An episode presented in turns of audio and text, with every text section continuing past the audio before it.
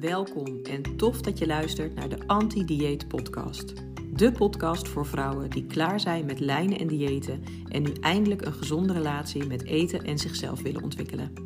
Ik ben Diana van Dijken, voedingspsycholoog, en heb al honderden vrouwen mogen begeleiden op hun reis naar meer rust rondom eten. In deze podcast neem ik ook jou mee op deze reis.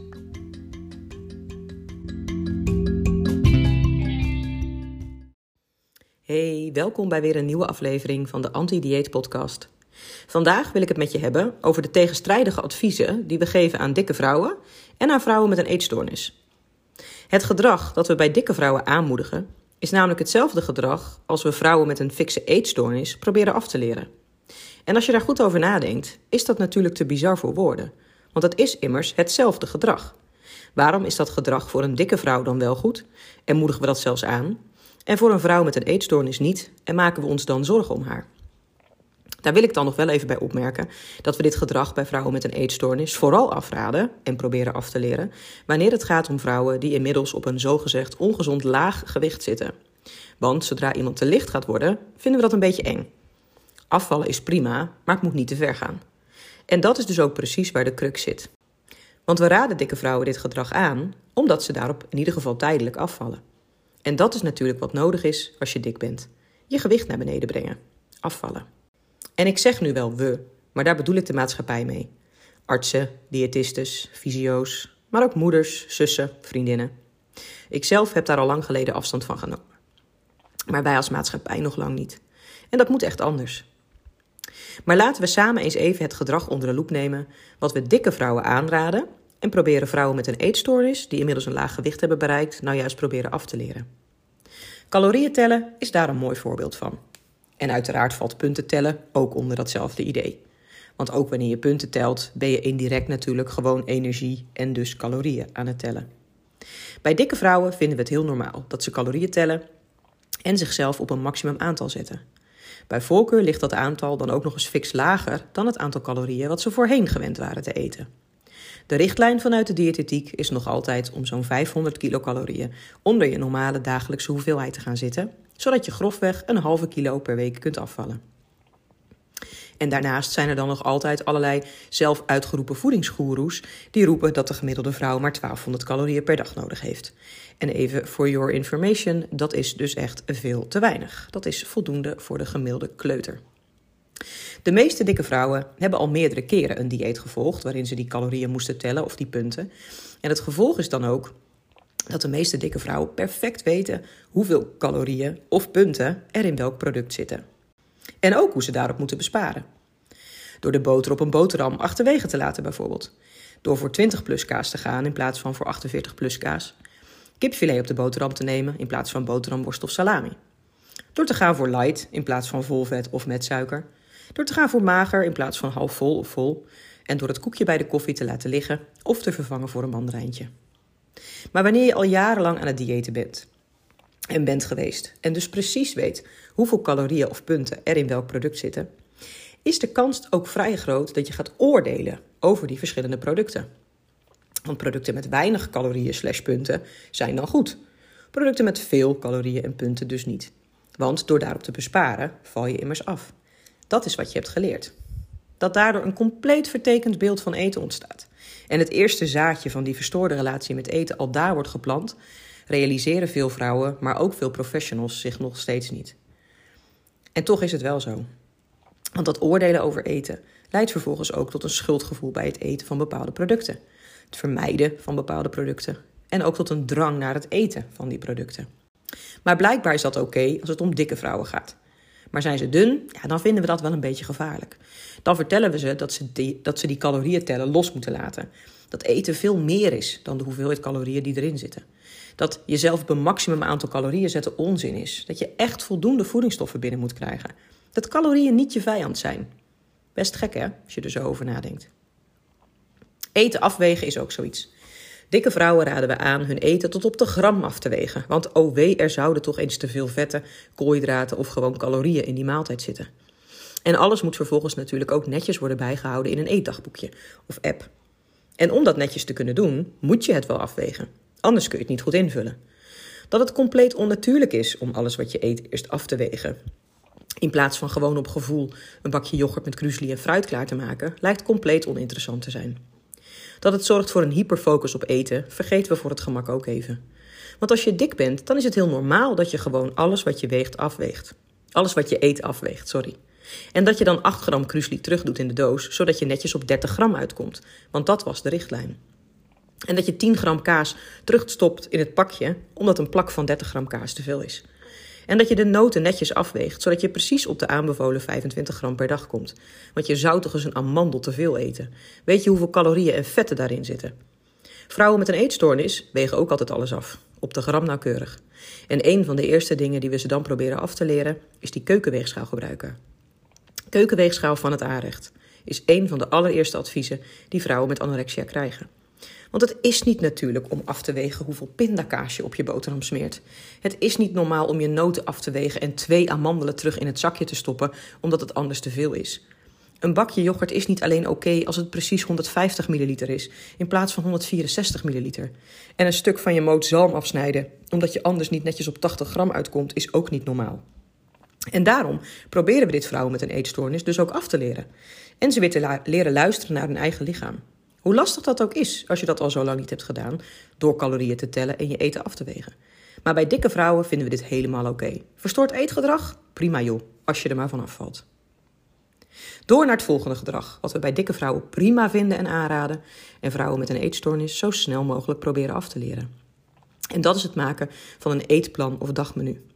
Vrijwel elk dieet werkt er wel mee. Dagmenu, weekmenu, waarop precies staat wat je wanneer mag eten en hoeveel. Alles netjes aangegeven in hoeveelheden, grammen of milliliters.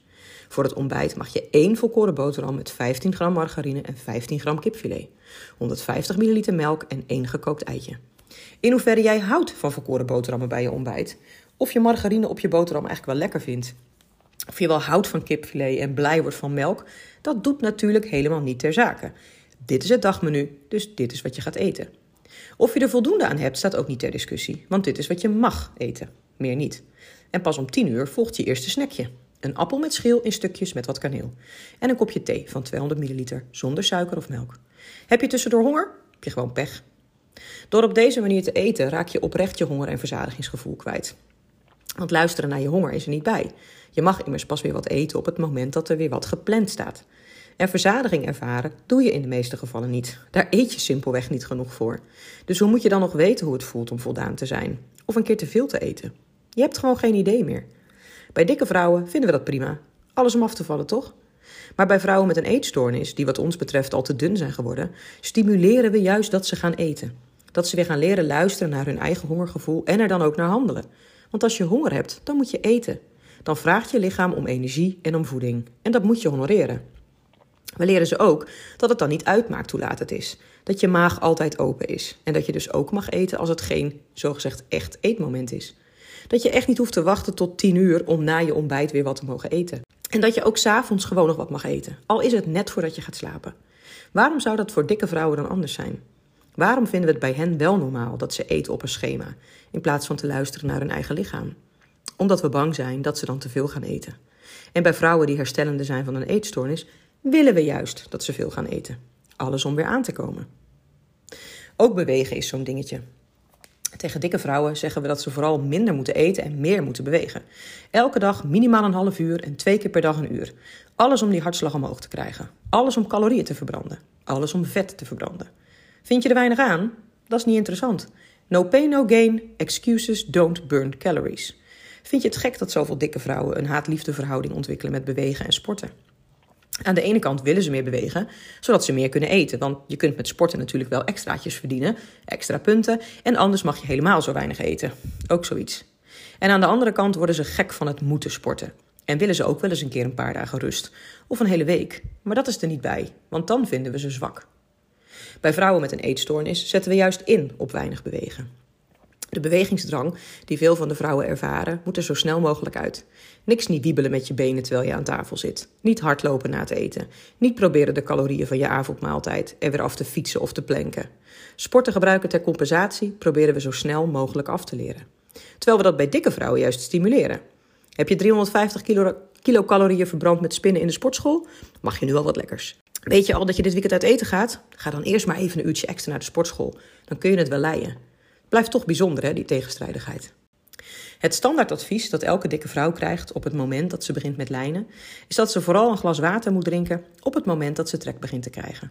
Of weet je, doe maar gewoon twee voor de zekerheid. Je weet maar nooit, het zou ook dorst kunnen zijn. Kun je maar beter lekker veel water drinken. Daarbij helpen die glazen water natuurlijk ook tegen de trek. Heb je meteen wat minder zin om te eten. Ja, hè, hè, als je eerst 500 milliliter water in je maag giet, is het nogal wieders dat je niet zo'n zin meer hebt in eten. Of dat je in ieder geval minder gaat eten. Dat dat water geen voedingsstoffen met zich meebrengt. En dat je dat water ook niet nodig hebt om te zorgen dat je voldoende koolhydraten, vetten, eiwitten, vitamines en mineralen binnenkrijgt, dat nemen we voor lief. Alles om in ieder geval maar wat minder te eten. En denk je lekkere trek te hebben? Heb je zin in een koekje? Neem dan ook maar een glas water en nog een grote mok thee erachteraan. Want alles is immers beter dan dat koekje. Maar vrouwen met een flinke eetstoornis doen er alles aan om geen honger te hebben. En doen er ook alles aan om te zorgen dat ze geen zin meer hebben in eten. Die drinken liters water op een dag. Als ze dat dan nog durven, hè? want er zijn ook vrouwen bij die op dat moment inmiddels denken dat ze ook van water dik worden. Maar dat even terzijde. Het betekent alleen wel dat we vrouwen met anorexia bijvoorbeeld aanraden minder te gaan drinken. Want dat drinken gebruiken ze om niet te hoeven eten. Terwijl ze dat eten nodig hebben, niet meer vocht. We zetten ze dus vaak op een vochtrantsoen. Maximaal anderhalf tot 2 liter water per dag. En niet meer die 4 tot 6 liter die ze voorheen dronken. Ten slotte is een van de dingen die ontzettend wordt gestimuleerd bij vrouwen die dik zijn en aan het lijnen zijn, regelmatig te wegen. In ieder geval elke week, maar vaak gaan ze er nog veel vaker op staan. Want dan hou je het tenminste een beetje onder controle. Dan weet je waar je aan toe bent en of je het wel goed doet allemaal. Of je wel genoeg bewogen hebt, niet te veel hebt gegeten. Dat dat cijfertje op de weegschaal bijzonder weinig zegt, vergeten we voor het gemak weer even. Dat je op een weegschaal een kilo zwaarder bent wanneer je net een liter water hebt gedronken, zegt namelijk al genoeg. Want hou je vocht vast, ben je zwaarder. Moet je ongesteld worden, ben je zwaarder. Heb je een paar dagen weinig ontlasting gehad, ben je zwaarder. Dus die weegschaal zegt helemaal niet of jij zogezegd op de goede weg bent. Wat die weegschaal wel doet, is een enorme nadruk leggen op je gewicht. Op dat getalletje op de weegschaal. En voor veel vrouwen wordt het een obsessief iets. Ze moeten echt zo en zoveel wegen. Bij voorkeur zijn dat hele getallen of getallen met een vijf erin. Dus 70 kilo of 75 kilo is prima, maar 71 of 77 is niet oké. Wat het ook doet, is dat de nadruk op het gewicht komt te liggen in plaats van op het gedrag. In plaats van op wat iemand daadwerkelijk doet. Qua eten, qua zelfzorg, qua slapen, qua beweging. Verstoorde relatie met eten en jezelf? Kom maar door. Lekker vaak op die weegschaal staan zorgt in ieder geval niet voor een fijne relatie met jezelf. En in veel gevallen ook niet voor een fijne relatie met eten. Want je zult maar op die weegschaal gaan staan nadat je een avondje uit eten bent geweest met een vriendin. Zie je wel, als ik zoveel eet, ben ik de volgende ochtend ook gewoon meteen weer een kilo zwaarder. Of je zult maar op die weegschaal gaan staan nadat je een keertje popcorn hebt gegeten bij de film. Zie je wel, als ik popcorn eet, kom ik aan. Die overtuiging, alles wat lekker is, daar kom ik van aan, is al snel geboren. En kom daar maar weer eens vanaf. Vrouwen die herstellende zijn van een eetstoornis raden we juist aan thuis niet meer te wegen. In de klinische setting zetten we ze vaak nog wel op de weegschaal. En heel eerlijk, daar ben ik geen voorstander van. En met mij vele andere psychologen. Ook in eetstoornisbehandeling wordt het tijd voor een gewichtsneutrale behandeling, waarin het gewicht dat iemand aankomt geen teken meer is van herstel. Maar ook daarin de nadruk komt te leggen op het gedrag, op de gedachten die daarmee gepaard gaan. Maar goed, zodra ze thuis zijn, raden we ze dus aan die weegschaal weg te doen. Niet meer op die weegschaal te gaan staan om te checken hoeveel ze zijn aangekomen, om te checken wat ze nu eigenlijk wegen, maar te gaan voelen. Te gaan voelen hoe ze in hun vel zitten, letterlijk en figuurlijk. Zich niet meer te laten leiden door dat cijfertje op de weegschaal, maar door hun gevoel. Of het lekker met ze gaat. Of ze weer plezier kunnen hebben in leuke dingen doen met vrienden en familie, op werk of school. Of ze alweer met wat meer ontspanning kunnen eten. Het draait dan helemaal niet meer om het gewicht, maar om het gedrag, gedachten, gevoelens. Maar bij dikke vrouwen is blijkbaar alleen dat gewicht belangrijk. Het gedrag dat ze in de praktijk brengen, die gedachten en gevoelens, die zijn verre van interessant. Afvallen zul je. En of dat lukt, zie je nou eenmaal op die weegschaal. Of door jezelf op te meten, je lichaam te checken aan de hand van een strakke spijkerbroek en nog meer van dat soort shit. Maar in feite komt dat natuurlijk allemaal op hetzelfde neer. Je gewicht is belangrijker dan dat jij bent. En als je dat al van kinds af aan zo hebt ervaren, krijg je die overtuiging er echt niet zo makkelijk meer uit. Het kan wel, maar het lukt maar weinig vrouwen helemaal alleen. Maar nu ik dit zo allemaal heb opgezond, vind je het dan zelf ook niet een beetje raar dat het gedrag dat we vrouwen met een eetstoornis zoals anorexia koste wat kost proberen af te leren, precies hetzelfde gedrag is als we dikke vrouwen aanraden? Creëren we daarmee stiekem niet gewoon een complete generatie van dikke vrouwen met een eetstoornis? Of misschien zelfs wel helemaal niet stiekem, maar realiseren we het ons gewoon niet altijd. Het is echt hetzelfde gedrag. Gedrag dat voor niemand gezond is, dik of dun. Gedrag dat een teken is van een verstoorde relatie met eten. En toch vinden we het heel normaal als dikke vrouwen dit doen en moedigen we ze zelfs aan. Want dikke vrouwen moeten afvallen. En als ze daarvoor eetstoornisgedrag in de praktijk moeten brengen, prima. En houden ze er een full-blown eetstoornis aan over, dan krijgen ze meestal ook nog eens niet eens de hulp die ze nodig hebben. Want om gediagnosticeerd te worden met anorexia, moet je officieel geclassificeerd ondergewicht hebben. En laten we wel wezen, dat hebben dikke vrouwen niet. Anorexia kunnen ze prima hebben. Een andere eetstoornis ook. Maar hulp krijgen ze zelden. Word jij ook een beetje verdrietig als je dit zo hoort? Of misschien gewoon ronduit boos? Kijk dan vooral ook nog eens even kritisch naar je eigen gedrag. Ben jij nog calorieën aan het tellen of punten? Zet je jezelf nog op een maximum aantal calorieën per dag? Weeg je je eten nog regelmatig af in plaats van het gewoon op te scheppen en op te eten? Vertrouw je nog op een dagmenu of weekplanning in plaats van op je eigen honger- en verzadigingsgevoel? Gebruik je beweging ter compensatie om goed te maken wat je te veel hebt gegeten of denkt te gaan eten? Pak je voor de zekerheid een glas water of twee voordat je gaat eten, zodat je niet zoveel trek meer hebt? Of ga je nog elke dag of week op de weegschaal om de schade beperkt te houden of in de hoop dat je toch wat bent afgevallen? Vraag jezelf dan vooral eens af waarom eigenlijk. En of je dit de rest van je leven zo wilt blijven doen. Want dat kan echt anders. Dit was het weer voor deze week. Bedankt voor het luisteren. Tot de volgende keer.